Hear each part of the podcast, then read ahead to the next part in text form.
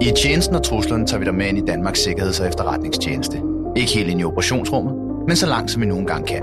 Bliv klogere på truslerne mod Danmarks sikkerhed, få råd om, hvordan du selv kan ruste dig mod dem, og mød nogle af de mennesker, der arbejder for politiets efterretningstjeneste. Fake news, misinformation, desinformation. Hvad er egentlig forskellen, og er det bare lidt støj i æderen, eller står vi over for en reel trussel? Hvad kan man gøre for at undgå at blive snydt? Mit navn er Ingrid, og jeg arbejder med kommunikation her i PET. For at blive klogere har jeg inviteret en kollega ind til en snak om blandt andet desinformation. Vi valgte ikke at bruge dit rigtige navn i dag, men øh, jeg vil gerne sige velkommen til dig, Markus. Tak for det. Du arbejder med strategisk analyse og har blandt andet fokus på desinformation for, hvordan fremmede stater kan forsøge at påvirke politikere og befolkninger til egen fordel. Men før vi går rigtig ind på emnet, så kunne jeg godt tænke mig at høre lidt om dig. Øh, hvordan er du endt med at arbejde her i PT? Ja, jeg har jo øh, taget mig en uddannelse som øh, på Københavns Universitet øh, i Øststatskundskab og historie. Og øh, sidenhen så har jeg så arbejdet i en større dansk organisation, primært med fokus på menneskehandel i Østeuropa. Sidenhen har jeg så øh, søgt ind i PT, og, og sidder nu og arbejder med det her virkelig spændende og meget komplekse område, som påvirkningsvirksomhed jo er. Men det er et spring fra en organisationsverden og så til en efterretningstjeneste. Hvad var det, der var interessant ved at komme over i PT? Det er jo det er en meget operativ organisation. Det er jo en analytisk baseret organisation, men al analyse drejer sig jo om, at det skal anvendes i operativt øje med. Og fordi organisationen har en stor spændvidde og et meget bredt fagligt sammensat gruppe af medarbejdere, så er det jo faktisk en enorm øh, interessant organisation med utrolig mange forskellige kompetencer og, og meget, meget viden. Men lad os starte med at forstå, hvad det egentlig er, vi taler om. Kært barn eller møge unge har mange navne. Hvad taler du om, når du taler om det her emne? Ja, jeg tager, og PET tager udgangspunkt i straffeloven, øh, når vi taler om påvirkningsvirksomhed. I 2019 så vedtog Folketinget en lov om ulovlig påvirkningsvirksomhed. Og i loven, der er det altså strafbart, hvis man, øh, hvis man sætter en fremmed efterretningstjeneste i stand til at foretage påvirkningsvirksomhed i Danmark eller mod Danmark. Men det er jo meget almindeligt, at, man for, at stater forsøger at, at påvirke hinanden. Så er det diplomati eller markedsføring, når Wonderful Copenhagen gerne vil have, at svenskerne vælter over broen for at besøge vores restauranter. Så er det jo ikke påvirkningsvirksomhed. Så hvornår er det, det går ind under strafferammerne? Ja, det er jo, når man øh, har fortsat til, det vil sige en intention om at bistå eller hjælpe en fremmed efterretningstjeneste med at virke i Danmark, og man også har intention om at samarbejde med den pågældende efterretningstjeneste. Der ligger en forudsætning om et samarbejde med en efterretningstjeneste, for at det er strafbart. Man kan sige, at almindelig statslig interaktion er jo slet ikke omfattet af den her øh, lovgivning. Det er jo helt naturligt, at stater påvirker hinanden for at forsøge at fremme deres egne interesser. Men i det øjeblik, at man bistår, samarbejder med og har intention om at hjælpe en efterretningstjeneste med at virke i Danmark, så er det, det bliver strafbart. Så påvirkningsvirksomhed, der er en direkte kobling til en fremmed efterretningstjeneste? Ja, det er der, og et samarbejde med efterretningstjenesten. Men hvad er så desinformation? Ja, desinformation, det er, når man spreder øh, information, som man som afsender godt ved er forkert og falsk. Men det lyder jo lidt som påvirkningsvirksomhed. Ja, men det er det også, kan du sige. Fordi desinformation er jo et delelement af påvirkningsvirksomhed. Og påvirkningsvirksomheden vil jo benytte sig af desinformation for at sprede falske budskaber, for at opnå den effekt, som afsenderen godt kunne tænke sig. Okay, men, men udtrykket misinformation, misinformation bruges jo også. Hvad, hvad er det så? Ja, det er jo sådan set også øh, forkert, fordrejet, falsk information.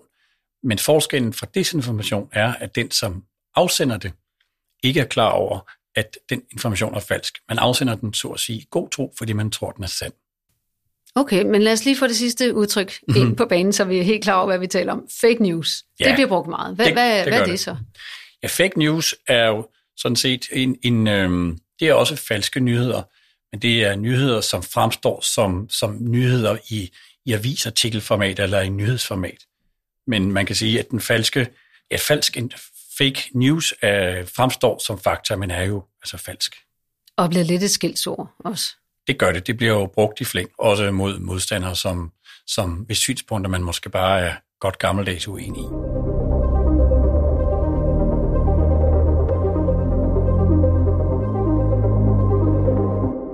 Kunne du give et øh, godt eksempel på, på desinformation? Altså, hvad kunne det være?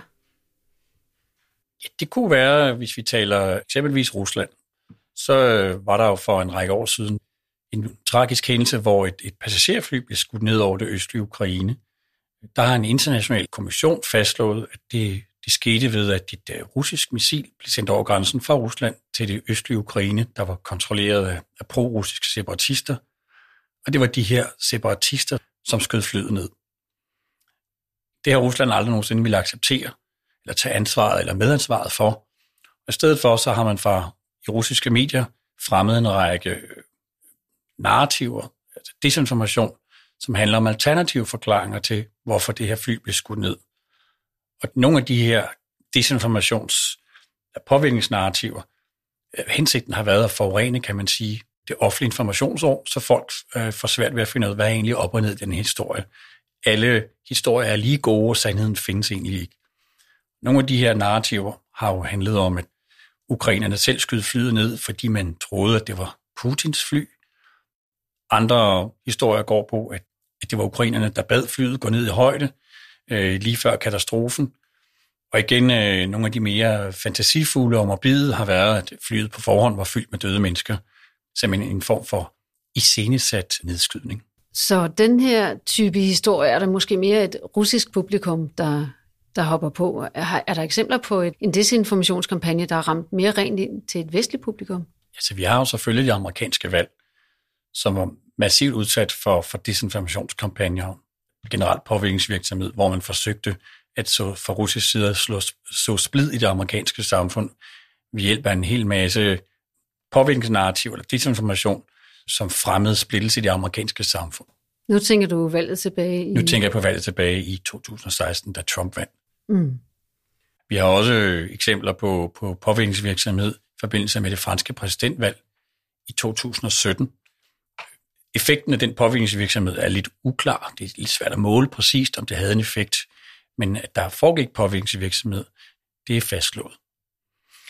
Så har vi også haft eksempler på øh, hele covid-19-problematikken, hvor øh, man fra russisk side har forsøgt at fremme kan man sige, den, den russisk fremstillede covid-19-vaccine, og, og det er jo helt legalt på sin vis, men samtidig har, der, har man spredt en række desinformationsnarrativer om den manglende effekt og usikkerhed ved vestligt fremstillede vacciner. Så hvad, hvad gør man, hvis man gerne, hvis, hvis jeg sad i en fremmed efterretningstjeneste og tænkte, nu skal jeg lave en effektiv desinformationskampagne, hvad gør man så? Hvor, hvor starter man? Den russiske stat, hvis vi nu tager Rusland som eksempel, for det, de, det er det, de fleste folk vil være bekendt med som, som, som eksempel, kan man sige. Rusland er jo en stat, der i vidt omfang benytter sig af desinformation og påvirkningsvirksomhed. Og der har den russiske stat jo til sin rådighed et helt række medieplatformer, både traditionelle nyhedsmedier, som øh, de mere kendte som RT og Sputnik, der nu er, er forbudt i Europa, eller inden for EU, men også en række sociale medieplatforme, hvor man kan sprede de her narrativer på. Så det er sådan et helt økosystem af, af, social, af medieplatforme, som øh, kan fremme og sprede desinformation fra russisk side. Det, man typisk vil gøre som efterretningstjeneste, det er, at man vil i samarbejde med, med, med den russiske medie, med de russiske mediefirmaer, altså med RT, Sputnik og de sociale medieplatforme, vil forme en række narrativer, som så koordineret bliver sendt ud i informationsrummet, både via de her traditionelle nyhedskanaler og senere spredt også på sociale medieplatforme som Facebook og Twitter. Men hvilke emner kunne så være interessante at tage fat i? Nu nævnte øh, covid. Hvad er det, der gør, at det, at det kan være et godt emne at tage fat i? Ja, det er jo fordi covid har, covid-19-pandemien, jo har skabt frustrationer i den europæiske befolkning. Og covid-19 Eksemplet kan være nyttigt for, for Rusland at anvende, fordi det kan anvendes til at, at så splid mellem øh, europæiske lande og mellem de europæiske landes befolkninger og myndigheder. Det er jo fordi, der er jo en vis frede, har været i hvert fald blandt den europæiske befolkning i forhold til mange af de her restriktioner. Og kan man så tvivl om myndighedernes covid-19-håndtering og effekten af covid-19-vaccinerne, ja, så kan man være med til at så splid og kaos i det europæiske samfund, fordi at covid-19 er en, er en specielt sårbar situation for, for, for, for, ja, for alle berørte lande. Så man tager fat i nogle gløder, der allerede ligger og ulmer, og så prøver man at puste til det? Det kan du sige. Tilsvarende kan man også sige, at øh, hele migrationsspørgsmålet jo også er et emne, man med fordel kan tage fat i, hvis man har lyst til at så splid i, i et samfund. Det er jo et spørgsmål, som deler mange europæiske lande. Alle synspunkter er sådan set legitime nok, men hvis det er en fremmed stat, som, og dens efterretningstjeneste, som puster til de her gløder med henblik på at svække staten eller samlingskraften i staten, eller svække de EU til for eksempel, ja, så er vi jo ude i noget, som jo ikke bare handler om, om almindelig meningsudvikling, men så er der fortsat fra en fremmed stats side og dens efterretningstjeneste til at forsøge at svække det europæiske samarbejde. Og igen, det er jo ikke, fordi det ikke er legitimt at have meninger for eller imod migration og dens betydning for europæiske samfund. Men når begrebet, når, når diskussionen bliver anvendt af en fremmed stat og dens efterretningstjeneste, så er det, det bliver problematisk.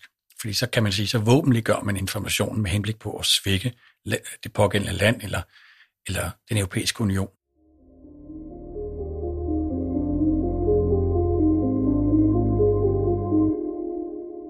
Du har nævnt nogle eksempler, hvor man arbejder meget i en digital dimension, altså sociale medier og også større sådan media outlets, større medievirksomheder. Men der er vel også noget påvirkning, der foregår direkte face-to-face imellem mennesker, eller, eller hvordan virker det?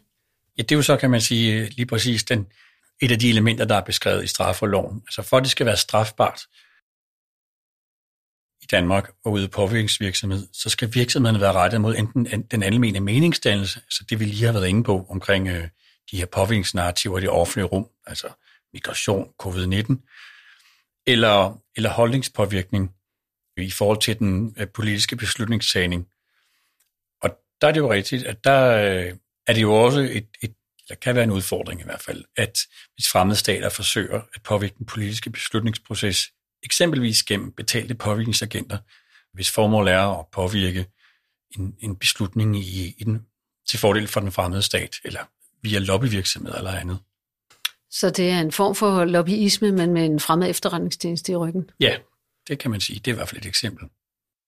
Det må tage øh, en del ressourcer at køre de her desinformationskampagner. Du har været lidt inde på det, så altså motivet, hvad, hvad er det for at lave de her kampagner? Altså, man laver ikke de her kampagner, hvis ikke det er med henblik på at opnå, opnå et eller andet, opnå en effekt. Og, og tager vi for eksempel øh, Rusland som eksempel, jamen så vil hensigten med påvirkningsvirksomheden, det vil jo være at forme enten en positiv fortælling om Rusland, eller Ruslands politik, eller at svække sin modstander, svække samlingskraften. Eksempelvis så, øh, så ser Rusland jo både NATO og EU som modstandere. Fra russisk side øh, vil det være mere fordelagtigt, hvis man kan forhandle enkeltvis eksempelvis med, med EU-landene, frem for de står som en samlet blok. Så fra russisk side, set fra russisk side, så er EU en modstander, som gør det sværere for Rusland at få opfyldt sine, sine politiske mål, udenrigspolitiske målsætninger, fordi man står over for en samlet blok af lande. Eksempelvis på sanktionspolitikken nu, der har EU jo besluttet en helt lang række sanktioner. For, set fra russisk side ville det være nemmere at omgå og forhandle, og forhandle og begrænse de her sanktioner, hvis ikke man stod over for en samlet blok på de her 27 lande, men enkeltvis skulle indgå i forhandlinger eller diskussioner med, med de pågældende lande. Så enten at bygge sig selv op kunne være et motiv, eller det lyder lidt som klassisk del- og hersk-princip i det her. Ja, det kunne man godt kalde det.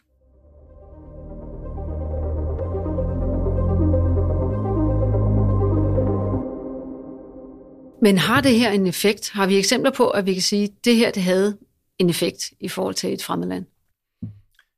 Ikke, ikke entydigt, sådan en til en. Det er utroligt svært at måle hvorvidt de her påvirkningskampagner, eller den her påvirkningsvirksomhed, øh, hvad den har af effekt. Men den er i hvert fald med til, at, som, som nævnt, at, at forene det offentlige informationsrum og præsentere flere forskellige versioner af den samme historie. Men hvorvidt russisk påvirkningsvirksomhed en til en i forhold til en politisk beslutning eller en debat i, i et land har haft nogen effekt, det er meget svært entydigt at svare på. Hvad med, hvad med Danmark? Har vi set eksempler på desinformation her? Ikke i hvert fald ikke i forbindelse med folketingsvalg, og heldigvis for det.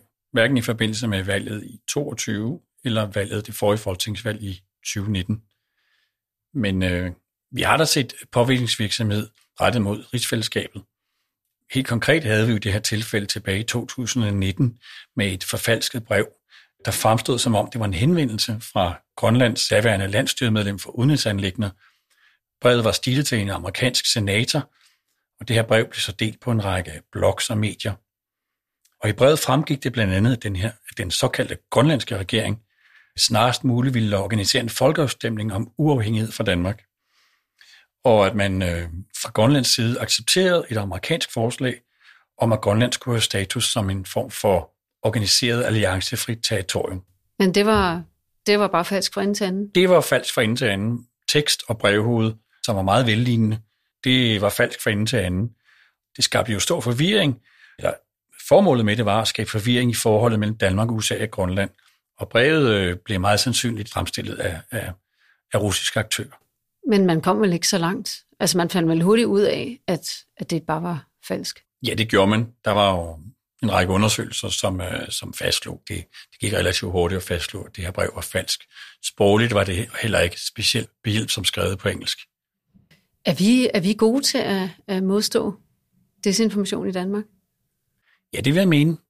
Det har flere årsager.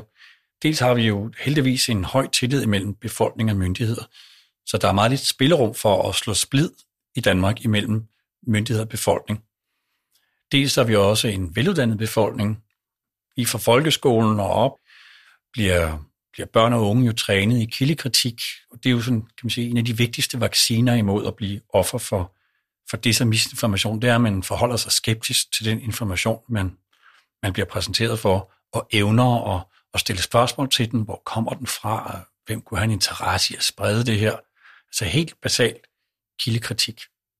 Så det, hvis jeg gerne vil dem op imod desinformation og misinformation, så, så er det noget af det, jeg skal kaste mig ud i. Kildekritik. Ja, din kritiske sans. Stil spørgsmål til teksten. Er det sandsynligt, at det her virkelig kunne være sandt? Ofte er, hvis noget øh, virker til at være for godt eller dårligt til at være sandt, jamen så skal man, så skal man måske følge den skepsis og, og udforske den lidt er afsenderen troværdig? Er der andre lignende historier på medier, du plejer at øh, stole på? Altså bliver historien citeret bredt, eller er det bare for enkelte udvalgte medier, du har den? Hvem, som sagt, kan have et motiv til at lægge sådan en historie ud? Er der en person, organisation, eller er der et land, som, som kunne drage fordel af, at den her historie bliver spredt? Hvis jeg så har, har slået min kritiske sans til, og jeg støder så på noget, som som får mig lidt op i det røde felt, og jeg får lyst til at dele det. Men jeg opdager, at det, det, det er falsk det her. Ja. Hvad, hvad kan jeg så gøre? Altså, er der, kan, kan jeg gøre noget for at stoppe det? Altså, de fleste, hvis ikke alle sociale medieplatformer, har jo en, øh, en funktion, hvor man kan anmelde information eller nyheder eller indhold, som man mener øh, overtræder reglerne. Det kan være, øh, hvis der er eksplicit vold i, men det kan jo også være, hvis man har en fornemmelse af, at den her historie den er simpelthen, det er simpelthen for langt ude. Det her, der må være nogen bagved, som, som har en interesse i at sprede det her, og, og med henblik på at gøre skade, for eksempel. Og så vil de her medieplatforme jo have en funktion, hvor man kan henvende sig og anmelde den, det pågældende opslag.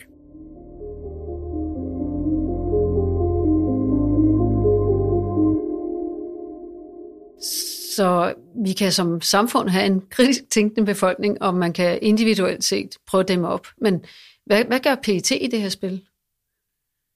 Ja, PET, øh, vores opgave er jo at, at modvirke, efterforske påvirkningsvirksomhed, hvis vi kan se, at det har forbindelse til en fremmed efterretningstjeneste. Og så, øh, så er vi jo sammen med andre gode aktører, altså myndigheder, så monitorerer vi jo øh, de demokratiske valghandlinger, eller valghandlingerne i Danmark, for at sikre os, at, øh, at valgene foregår, som de skal, og for også selvfølgelig at sikre, at befolkningen har tiltro til, at de pågældende valg er foregået, som de skal, uden indblanding fra udlandske stater. Og hvis man så ser tegn på indblanding, hvad, hvordan agerer PT så? Ja, så vil PT melde ind til den her taskforce, som er den her myndigheds, tværgående myndigheds taskforce, taskforce påvirkning, hvor der sidder en række myndigheder i, og så vil man tage flere på den baggrund. Du har nævnt en del eksempler på desinformation, og øh, vi må konstatere, at der bliver brugt øh, tid og kræfter på det hos fremmede efterretningstjenester. Så hvor nervøs skal jeg egentlig være for det her? Jeg synes ikke, du skal være nervøs, men bestemt opmærksom, og det skal vi alle sammen. Påvirkningsvirksomhed, og dermed også desinformation og misinformation, findes jo derude, fordi der er så meget information, der flyver rundt på sociale medier og i aviser. Vi er udsat for et, udsat for et konstant informationspres. Så den kritiske sans, evnen til at analysere, hvor kommer den her information fra, og hvem kunne have en interesse i at formidle den ud, den er, den er mere vigtig end nogensinde, hvis man skal beskytte sig selv mod at blive øh, offer for, kan man sige, mis- eller disinformation. Så jeg skal være opmærksom, men jeg kan godt sove relativt roligt om natten. Det vil jeg bestemt mene, og det håber jeg da også, du gør. Ved du hvad, vi skal til at runde af. Jeg synes, vi er kommet godt omkring, selvom vi kunne sidde her et par timer til. Jeg ved ikke, om jeg er helt, sådan, helt dus med desinformation, men jeg er blevet meget klog i dag, så mange tak for din tid. Ja, det var en fornøjelse. Du har lyttet til Tjenesten og Truslen, en podcast lavet af politiets efterretningstjeneste. Har du lyst til at blive klogere på tjenestens arbejde, vil vi opfordre dig til at besøge vores hjemmeside, pt.dk. Har du ris eller ros til podcasten, eller har du forslag til, hvilke emner du gerne vil høre om i podcasten, kan du kontakte os via vores hjemmeside. Tak for, at du lyttede med.